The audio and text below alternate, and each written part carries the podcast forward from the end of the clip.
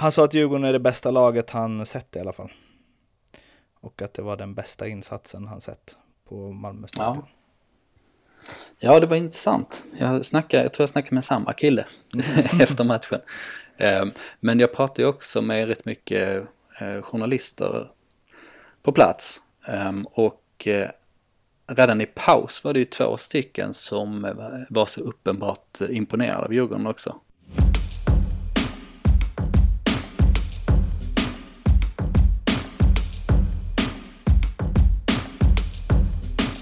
Fotboll Stockholms podcast är här. Det är avsnitt 51. Det är ett Djurgårdsavsnitt. Det har gått några dagar sedan eh, Djurgården vann seriefinalen borta mot Malmö FF med 1-0, men det är fortfarande värt att prata om, tycker ju vi, Oskar, eller hur? För det var ju en match som matchernas match hittills i år i Allsvenskan. Ja, verkligen. Åtminstone om man ser det ur Djurgårdsögon så är det ju ingen snack om den saken. Ehm, och eh, jag är ju kvar i Skåne, eh, där jag sett matchen. Du har också varit i Skåne men är tillbaks nu. Mm, åkte från Malmö till Stockholm idag. Ja, nej men den eh, sitter ju, det var jävligt starka intryck därifrån. Ehm, med tanke på uppladdningen för den här matchen och att Eh, Malmö som är vana att spela den här typen av matcher verkligen liksom gav allt, tryckte på. Extremt bra inramning var det. Um, liksom en bra bit innan matchen och så vidare. Och sen uh, efter matchen, de... Ja, det var starka känslor. Uh, verkligen hos spelarna. Det var liksom, det svängde åt lite åt, uh, lite åt alla möjliga håll där liksom med glädje och ja, tårar har vi en punkt som heter. heter um, och lite annat. Så det var, eh, ja, det var en match ganska långt ifrån den eh, vanliga serielunken i vart fall kan man konstatera. Vi ska bryta ner den i atomer så småningom. Först ska vi säga tack till NordicBet som är vår sponsor till Fotboll Stockholm. Och de har en podcast som heter Ljugarbänken. Det kanske ni har eh, hört talas om förut. Det är Lasse Nilsson, Mattias Lindström och jag som pratar om allsvenskan i stort. Senaste avsnittet där är det förstås en del om den här matchen vi ska snacka om nu och eh, en het diskussion eh, om straffar, vad som är en bra och dålig straff, att huruvida alla straffar som går i mål är bra och alla som, man, eh, som inte går i mål är dåliga. Jag, jag tror jag vet vad du tycker där, Oskar. Ja, det är en evighetsdiskussion. Den ska vi inte ta hand om. Nej, det ska vi inte ta här. Eh, och som någonstans kulminerar i att eh, Lasse ber Lindström lugna ner sig, medan Lindström eh, å sin sida skäller ut NordicBets Leopold Neurath som svarar med att säga att Lindström har en ekorrhjärna. Det är eh, bra content. Jag rekommenderar er att ge det en chans. Tusen tack NordicBet för att ni är med Fotboll Stockholm. Inför den här matchen så var ju Malmö FF rätt tuffa i snacket.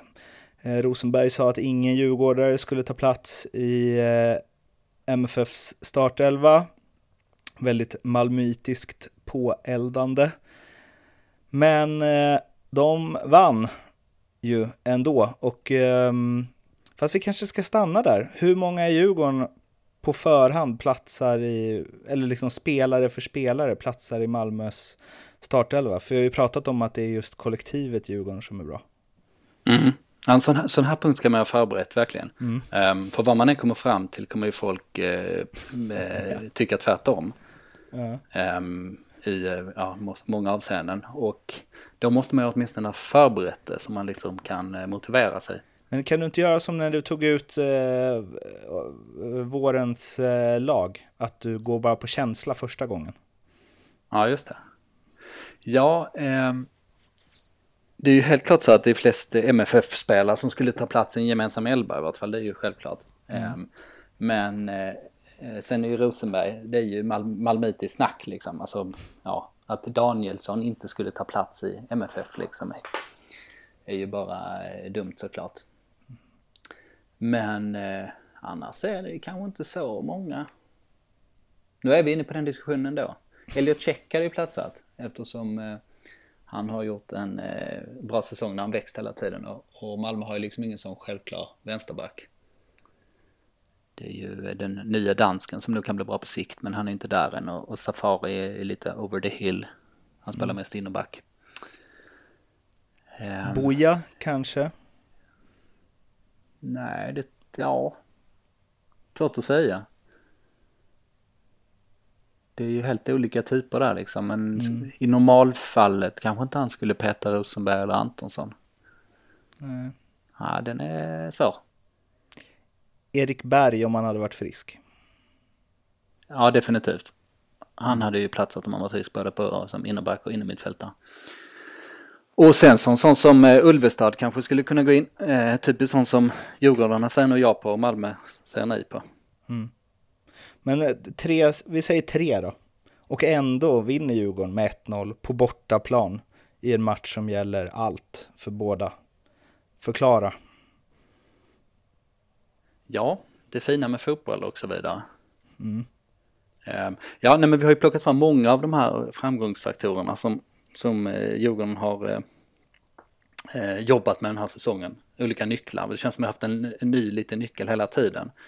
Ehm, och det här var ju ett paket av det de är bra på som gjorde att de klarade. För att som sagt när Malmö trycker på i viktiga lägen ehm, då brukar de vara jävligt tunga. Även om de faktiskt har haft svårt mot eh, ja, egentligen alla topplag utom Hammarby eh, sen Ove Rösler kom in. Men de har ju sin Europavana. 16 poäng på 36 matcher under Rösler mot mm. topplagen. Ja, det är sant. Så jag kanske ska ta tillbaka det jag sa. Nej, nej. Alltså de har ju haft det tufft. Ja, ja, men jag menar med att när de väl trycker på så Jaha. brukar de vara som bäst. Liksom. Så var det ju något år, eh, åren innan där och eh, såklart eh, Europamatcherna liksom där de är helt överlägsna liksom i, om man jämför med andra svenska lag. Ehm, så de gjorde ju, de tryckte ju på med allt de hade från läktaren och ner ehm, och det är klart att de skapade ett högt tryck och en hög intensitet i början. Ehm, men Djurgården klarade den anstormningen ganska bra. Eh, rätt mycket på grund av liksom det fysiska spelet med Jesper Karlström till exempel. Att de, de väg sig inte en millimeter. Det smällde ju verkligen alltså. Smällde på ett sätt som det sällan gör i allsvenskan. Vi, det var ju lite vad vi förutsåg i förra podden också, att det skulle bli den typen av match. Och sen när Djurgården visade att de stod pall, så i, liksom i mitten av första halvlek, eh, då börjar Djurgården också visa att de är bra med bollen helt enkelt. Att de kunde ganska lätt spela runt Malmö. Malmö kunde inte behålla den här intensiva pressen. Ehm, de kunde liksom inte synka den på ett sätt liksom som eh, satte Djurgården i brygga hela tiden. Utan för Djurgården var det ganska lätt liksom sådär. Att spela ut på eh, Elliot Check som eh, vilar med bollen och sen in på innermittfältet och slå crossbollar ut på kanterna och liksom att yttermittfältarna eller en korslöpande Buya Turay var, var först på de bollarna. Um, och på så sätt fick de ju andrum i spelet och i, under den andra delen av första halvlek var ju eh, Djurgården bättre istället. Då hade de två bra chanser. Um, där eh, Ulvestad och Danielsson hade varsin boll som gick strax utanför stolpen eller ribban. Um, så, och den matchbilden var väl lite liknande i andra halvlek där att Djurgården höll stången väl liksom. Stressade inte upp sig och sen så när kontringsläget kom Malmö gick bort sig lite, lite konst, konstigt försvarsspel där, så eh, utnyttjade Djurgården det perfekt. Och det där är ju, det är ju guldmålsvibbar på det. Redan när liksom bollen kom ut till Radetinac på kanten så gick det lite i slow motion på något sätt. Man såg ju att Buja var för, före i mitten. Mm. Och man såg ju sätta den passen på, en, eh, på ett tillslag och börja få till avslutet så kan det vara liksom guldkrönikemålet där som vi fick se. Man hade det på känn och så hände det också. Hyfsat avslut. Ja, får man säga. Det är det ju... När du har pratat oavbrutet nu i tre minuter. och jag, jag får ändå till att jag tycker, ah, vad fint avslut. Det mest givna som alla tycker. Nu ska ja. jag tycka lite annat också. Eh, mm. och det är att eh, Max Rosenberg stod efteråt och sa att han hade fem bra chanser och att eh, Malmö borde gjort minst tre mål och så vidare och så vidare. Och att det var det var det Malmö föll på eget grepp, typ. Att det var inte de som, det var inte Djurgården som var så himla bra, utan Malmö som var ineffektiva. Det stämmer ju inte. Nej, det gör det inte. Det, det finns ju nog ingen expected goals-tabell som skulle göra, ge Malmö tre mål i den matchen, precis. Um, det var ju ganska jämnt totalt sett, liksom, både spelmässigt och chansmässigt. Det kunde gått lite hur som helst, som man brukar säga. Um, men det ligger i, återigen, den malmöitiska självbilden att, att om de förlorar så har de förlorat mot sig själva på något sätt. Mm. Och det är ju så, så som man går in i en säsong också eftersom alla har tippat att Malmö ska vinna. Och de har, ja man ska jämföra med Djurgården så har de ju dubbelt så höga lönekostnader. Mm. Um, så jag tror bara att det är så de eh, tänker liksom. Och sen så är det ju, ja du vet ju hur det brukar låta efter matchen när man har förlorat eller spelat oavgjort när man inte, när man tycker man förtjänar mer. Att man, man tog inte vara på sina chanser. Sen är det ju alltid skitmål man släpper in och sånt liksom. De skapar ingenting och så vidare. Det är, det är ganska mycket cherry picking där. Verkligen. Jag snackade med en av mina bästa vänner som sett alla Malmös hemmamatcher i år. Stor Malmö-supporter och han sa att eh, inklusive Europa Europa, undrar om han kan ha menat det i och för sig, för de mötte väl Chelsea i år. Hemma. Ja, han sa att Djurgården är det bästa laget han sett i alla fall. Och att det var den bästa insatsen han sett på Malmö stadion. Ja. Ja, det var intressant. Jag, snackade, jag tror jag snackade med samma kille efter matchen. Ehm, men jag pratade ju också med rätt mycket eh, journalister på plats. Ehm, och eh, redan i paus var det ju två stycken som var så uppenbart imponerade av Djurgården också. Som kanske inte riktigt förstått hur bra de är. Ehm, apropå det som varit lite temat för säsongen, liksom att de smugit sig på och ingen riktigt har sett vad som har hänt. Ehm, plötsligt slutar de bara förlora eh, en gång. Och eh, båda två lyfter ju fram, ja det är det är obvious såklart med, med Danielsson, men båda var liksom jävlar vad bra han är liksom. Ehm, och det tror jag är en liten ögonöppnare för, eh, för dem. För jag tror att eh, de har nog sett liksom eh, att det är AIK som är den stora rivalen, som är det liksom tyngsta laget på något sätt. Så som Malmö ser det. Och det är, ja, det är inte så konstigt heller om de minns hur det var i fjol och hur långt ifrån Djurgården var då. Nu ska jag säga något som det är mycket möjligt att man får skit för av eh, Malmö-supportrar. Men det är ofta sånt gnäll på att allt är så Stockholmsfixerat och att Stockholms journalister, eller a.k.a. riksmedia, eh, och eh, även Stockholmssupportrar är så himla inne i sitt och inte ser vad som händer i de övriga klubbarna i landet. Men det är ju likadant åt andra hållet, skulle jag säga. Inte riktigt, men det finns ju där också. Att de som bevakar MFF nära, eh, eller Skåne nära, eller Blåvitt nära, de har, kan ju också, eller missar ju också grejer i Stockholmslagen som är uppenbart för de som följer det. Ja, visst är det så. Um, det går åt alla håll uh, och Malmö ser ju sig som storebror mot uh, alla andra. Och, och Djurgårdens fall, i och med att de de ser ju säkert på Djurgården som ett, eh, ja vad kom de ifrån, sjua va? Ehm, ja, de ser i alla fall på ett lag som inte har eh, med toppen att göra och sen så det de gjorde inför säsongen, det var inte sådär spektakulärt heller. Det var inte att, det var inte liksom som 2017 att de tryckte på med en massa spektakulära hemvändare och eh, att eh, alla börjar tippa dem högst upp i, eller i, som ett eh, givet topp tre-lag och så vidare. Utan eh, det var ju med ändå med rätt små medel och små justeringar som de gjorde den här satsningen. Den var i alla fall inte så uppenbar. En sak som jag tyckte var intressant som eh, Tolle sa efter matchen var ju att, eh, men att Malmö och AIK för den delen inte kan hålla på och skylla på det här Europaspelet för att de har trupper för det. Eh, Djurgården, om de hade varit i Europa, hade kunnat skylla på det för att de har inte en trupp byggd för det. Eh, och nu har de, men liksom, han menar, han menar ju lite på att här, styrkeförhållandena är de samma. Eh, även om de två lagen spelar, spelar i Europa och Djurgården inte gör det. Ja, eh, och det har ni en poäng i. Det skulle man nog kunna säga att styrkeförhållande så mycket som man har lagt på eh, serien kontra Europa och på bredden där, att det kanske avspeglar sig i, i lönekostnader till exempel. Så eh, visst, det kan man ju köpa.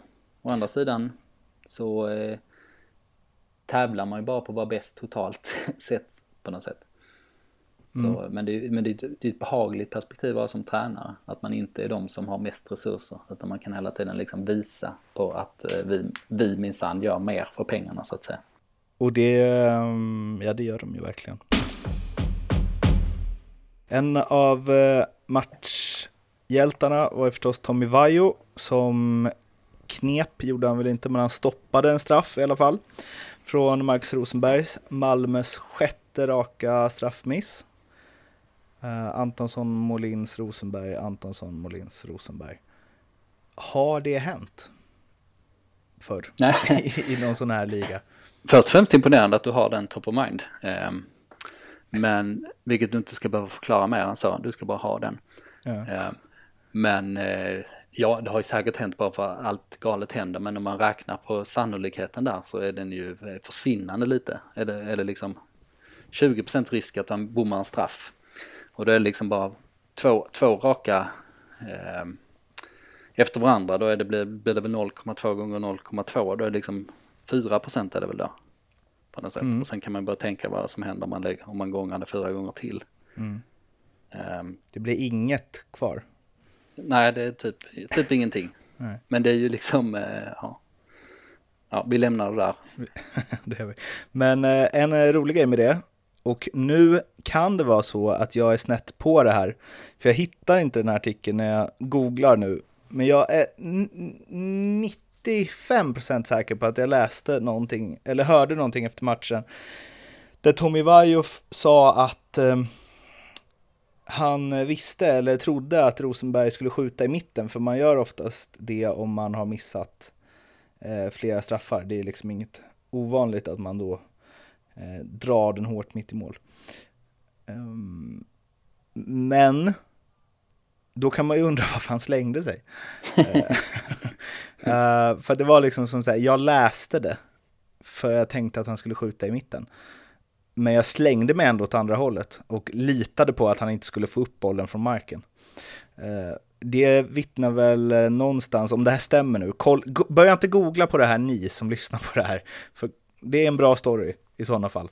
Eh, men det är ju att han ändå känner sig, ah, men jag gjorde rätt, jag läste honom. Aha. Alltså, det är en, en, en spelare med självförtroende som pratar så. Ja, det får man säga. Ett, ett malmöitiskt uttalande var det. ja, exakt. Om det nu stämmer, vilket vi utgår från att det gör. Jag, ja. Eh, jag var ju eh, där som sagt och eh, var med bland journalisterna som flockades runt Vajo. Han var ju huvudpersonen då såklart. Eh, det var inte bara den här straffräddningen, det var en helt fantastisk räddning på ett närskott från Roman Gall sen strax efter det också. Ehm, men jag övergav det till sist för att ehm, ja, det var så många journalister där och Bajo, ja han är ju lite speciell där alltså. Han så jävla lugn liksom och det är nästan som man undrar liksom vad fan, du har precis gjort din livsmatch här liksom. Mm. Eh, borde inte bu bubbla mer men det är väl, eh, ja det är väl inte hans stil. Men då vände jag mig om och så tog jag ett litet snack med Jesper Karlström istället eh, som jag kunde hugga på egen hand ett tag. Och där bubblade det. Ja, verkligen. Um, det var, ja jävlar vad stort det var för honom.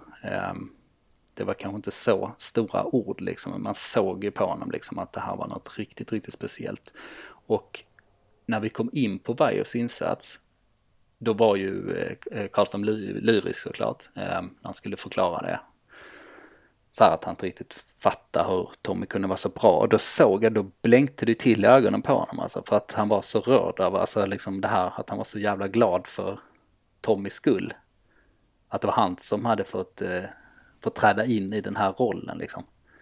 Så om jag hade tryckt på lite mer där med lite känslofrågor så hade vi kanske fått eh, lite tårar också till och med. Det spar vi på. Det sparar vi till efter derbyt kanske. Om mm. Vaiho gör en li likadan match. Då kör vi Karlströms tårar som, som toppar sajten. Så jobbar vi. Mm. Um, Eller inte va? Uppenbarligen. uh, Djurgårdens chanser att eh, vinna nu då, Oskar? Vet du procentuellt stora de är? Ja, det vet du, för jag ställt det här i bayern podden varför jag nu frågade om det där. Men det hade väl någonting om hur stora Hammarbys chanser att komma ifatt var. Och du gissade ju då på 65 procent. Och det var 66 procent. Ja, den var ju lite sjuk faktiskt. Det är inte bara doktor Månsson, det är professor Månsson också. Ja. Men du vet, i medgång alltså. ja. Sant. Då bara slänger man ut en gissning och sen så är det rätt liksom. Mm. Um, Tycker du det låter rimligt då? Det är lite derbyn och sånt som sådana där statistiktjänster inte tar uh, hänsyn till. Ja, verkligen. Um, och uh, alla som lyssnar på det här känner ju till uh, Djurgårdens derbyfacit uh, de sista åren. Och då är det ju AIK i nästa derby. Och det, men det är, ju, det är ju verkligen en potentiell eh, guldmatch det där. Vinner Djurgården, då kommer de ju, ja, då har de väl, då tickar väl där upp till 80 procent liksom eller någonting skulle jag gissa. Ja, mer um, till och med väl? Eller? Ja, jo så kanske det. Um, och ett kryss höjer ju också chanserna såklart. Men förlust så är det ju en poäng mellan eh, AIK och Djurgården och då har ju plötsligt eh, eh, Hammarby och Malmö chansen där att vara liksom inom den här trepoängs eh, räckhållet. Eh. Och det kan bli en sån jävla upplösning alltså. av den här serien. Det kan vara fyra ja. lag inom, vadå? Två poäng. Precis. Ja. Och jag som är, har en lite så luddig agenda. Att jag håller mycket på, på, på allsvenskan. Vad var det du sa häromdagen? Du håller på en rolig allsvenska. Ja, precis. Jag är nästan en sån som hejar på sport liksom. Eh, men eh, det vill säga att jag håller på alla svenska lag i Europa till exempel när de är ute. Eh, men om jag skulle få välja ett scenario på slutet, särskilt när vi jobbar med det vi gör, så, men eh, då är det ju alla tre Stockholmsklubbarna plus Malmö på slutet. Och så, eh, så är det ju faktiskt just nu. Mm. Det skiter nu de som har lyssnat på det fullständigt. De hade nog inte mått dåligt om de hade haft 82 procent chans att vinna efter derbyt. Mm. Det har ju inte bara spelat seriefinal utan det har även tagits ut landslagstrupp. Och eh, i den fanns eh, Mojo med, Marcus Danielsson fanns inte med. Och eh, däremot fanns ju Andreas Granqvist med. Eh, föga eh, överraskande. Max Danielsson skulle ju vara med, skrev eh, Aftonbladet. Eh, det är sällan man ser en sån boom. Faktiskt. Ja, den var konstig. Ibland är det ju så att, eh, för att klubbarna får ju ofta ett förhandsbesked om att en, ja, en spelare i deras lag då är med i en sån här bruttotrupp som sen ska bantas ner. Bara så man ska vara beredd liksom. Och den informationen kan ibland spridas och liksom misstolkas och sådär. Så jag har sett någon som boom eh, tidigare. Men jag vet inte om, om, fall, om det var fallet i den här, den här gången. Eh, om det berodde på det. Men det var ju, ja, det var ju lite uppseendeväckande. För nyheten var ju bara det. Han är med i landslaget och sen så var det ju 100% fel bara. Mm. Men eh, vi ska inte prata mer om det utan vi ska istället prata om två texter som kom ut i samband med detta.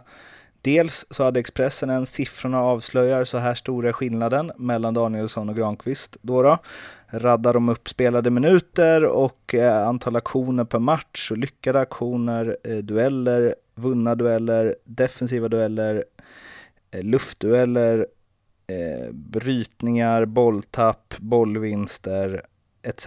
Blockerade skott och regelbrott. Eh, och Marcus Danielsson vinner alltså en, två, tre, fyra, fem, sex, sju, åtta, nio, tio, elva av 14 kategorier mot Andreas Granqvist i det, här enligt eh, eh, Y-scout. Och på samma tema då, så rasar ju Oskar Månsson. Fel val, Janne. Kvalitetsskillnaden är oerhörd. Går att läsa på Fotboll Stockholm. Mm, precis. Mm.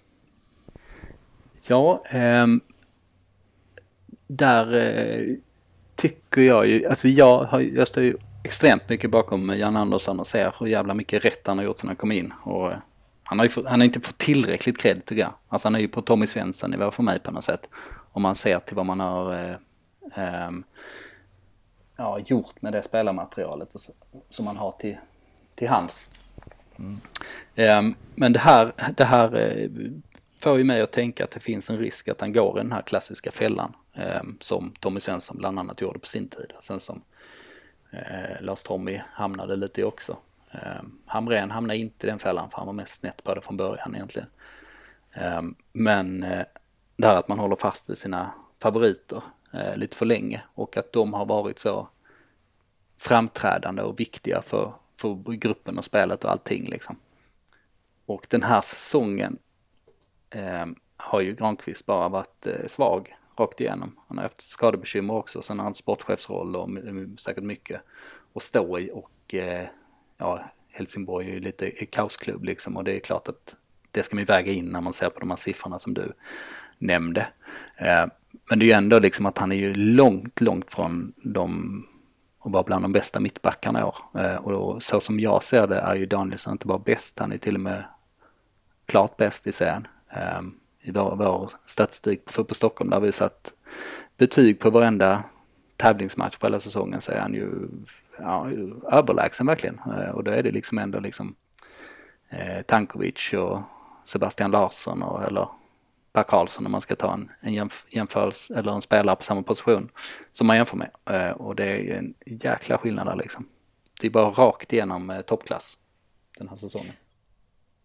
Gusten Dalin twittrade i samband med det här otroligt hur många som återigen ser på landslaget som en spegelbild av Sveriges just nu bästa spelare.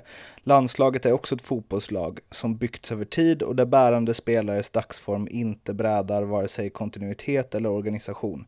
Granen givetvis given, binden på. Och sen la han till, for the record kanske jag också ska tillägga att jag också tycker Marcus Danielsson är en av Sveriges just nu fyra bästa mittbackar och att Granen inte är det. Ville bara understryka att icke, ville bara understryka icke-överraskningen över att truppen såg ut som den gjorde. Och det var ju verkligen en icke-överraskning. Alltså så här, att Andreas Granqvist skulle vara med var det väl 1,01 i odds på. Men det är ju det att Marcus Danielsson inte ens tar en av backplatserna som är konstigt. Ja, fast jag, jag, jag tycker ut, ut med granen och truppen. Eh, alltså att den tiden är kommen. Jag tror inte han kan ens närma sig den nivån som han var på, även om det var väldigt nyligen och att han var helt fantastisk både 2017 och 2018. Men sen flyttade han hem till superettan, tappade liksom från den här eh, Krasnodar som är en eh, superprofessionell rysk klubb där liksom allting